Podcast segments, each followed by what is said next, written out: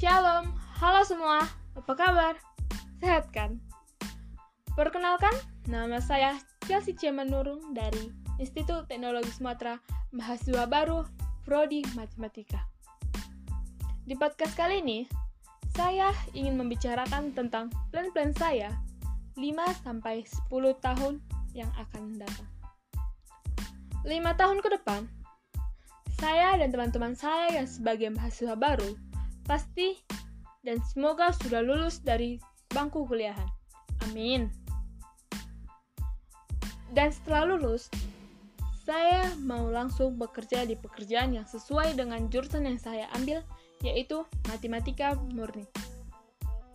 Contoh-contoh pekerjaan untuk jurusan matematika murni adalah guru, dosen, perbankan, aktuaris, statistik, dan lain-lain.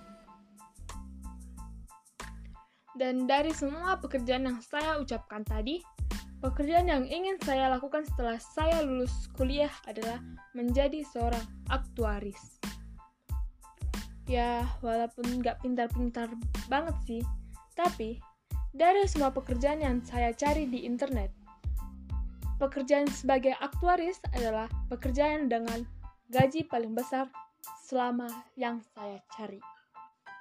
Oh iya, Jangan pernah mengatakan saya sebagai mata duitan karena memilih pekerjaan dengan gaji terbanyak.